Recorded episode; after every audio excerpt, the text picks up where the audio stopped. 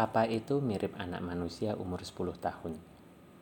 Biasanya telanjang, berdirinya tegak, dan dapat bicara dengan bahasa manusia. Kepalanya yang berambut pendek mempunyai lengkukan kecil yang berisi sedikit air. Hidup di air, biasa keluar di malam hari untuk mencuri semangka, apel, dan hasil ladang lainnya. Suka bergulat dan menantang setiap laki-laki atau perempuan yang dijumpainya untuk menguji kekuatan. Jika kita bergulat dengan kapal, Anggukkan kepala kita beberapa kali ke atas dan ke bawah. Ia akan menirukan dan air di atas kepalanya akan tumpah semua. Dengan demikian, kita mudah menundukkannya.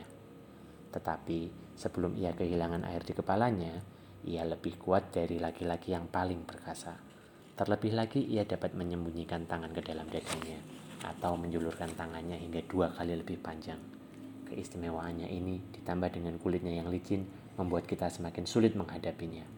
Kadang-kadang ia bahkan menyeret kuda atau lembu ke dalam air dan menghisap darahnya melalui lubang dubur. Orang harus hati-hati jika menyeberangi sungai.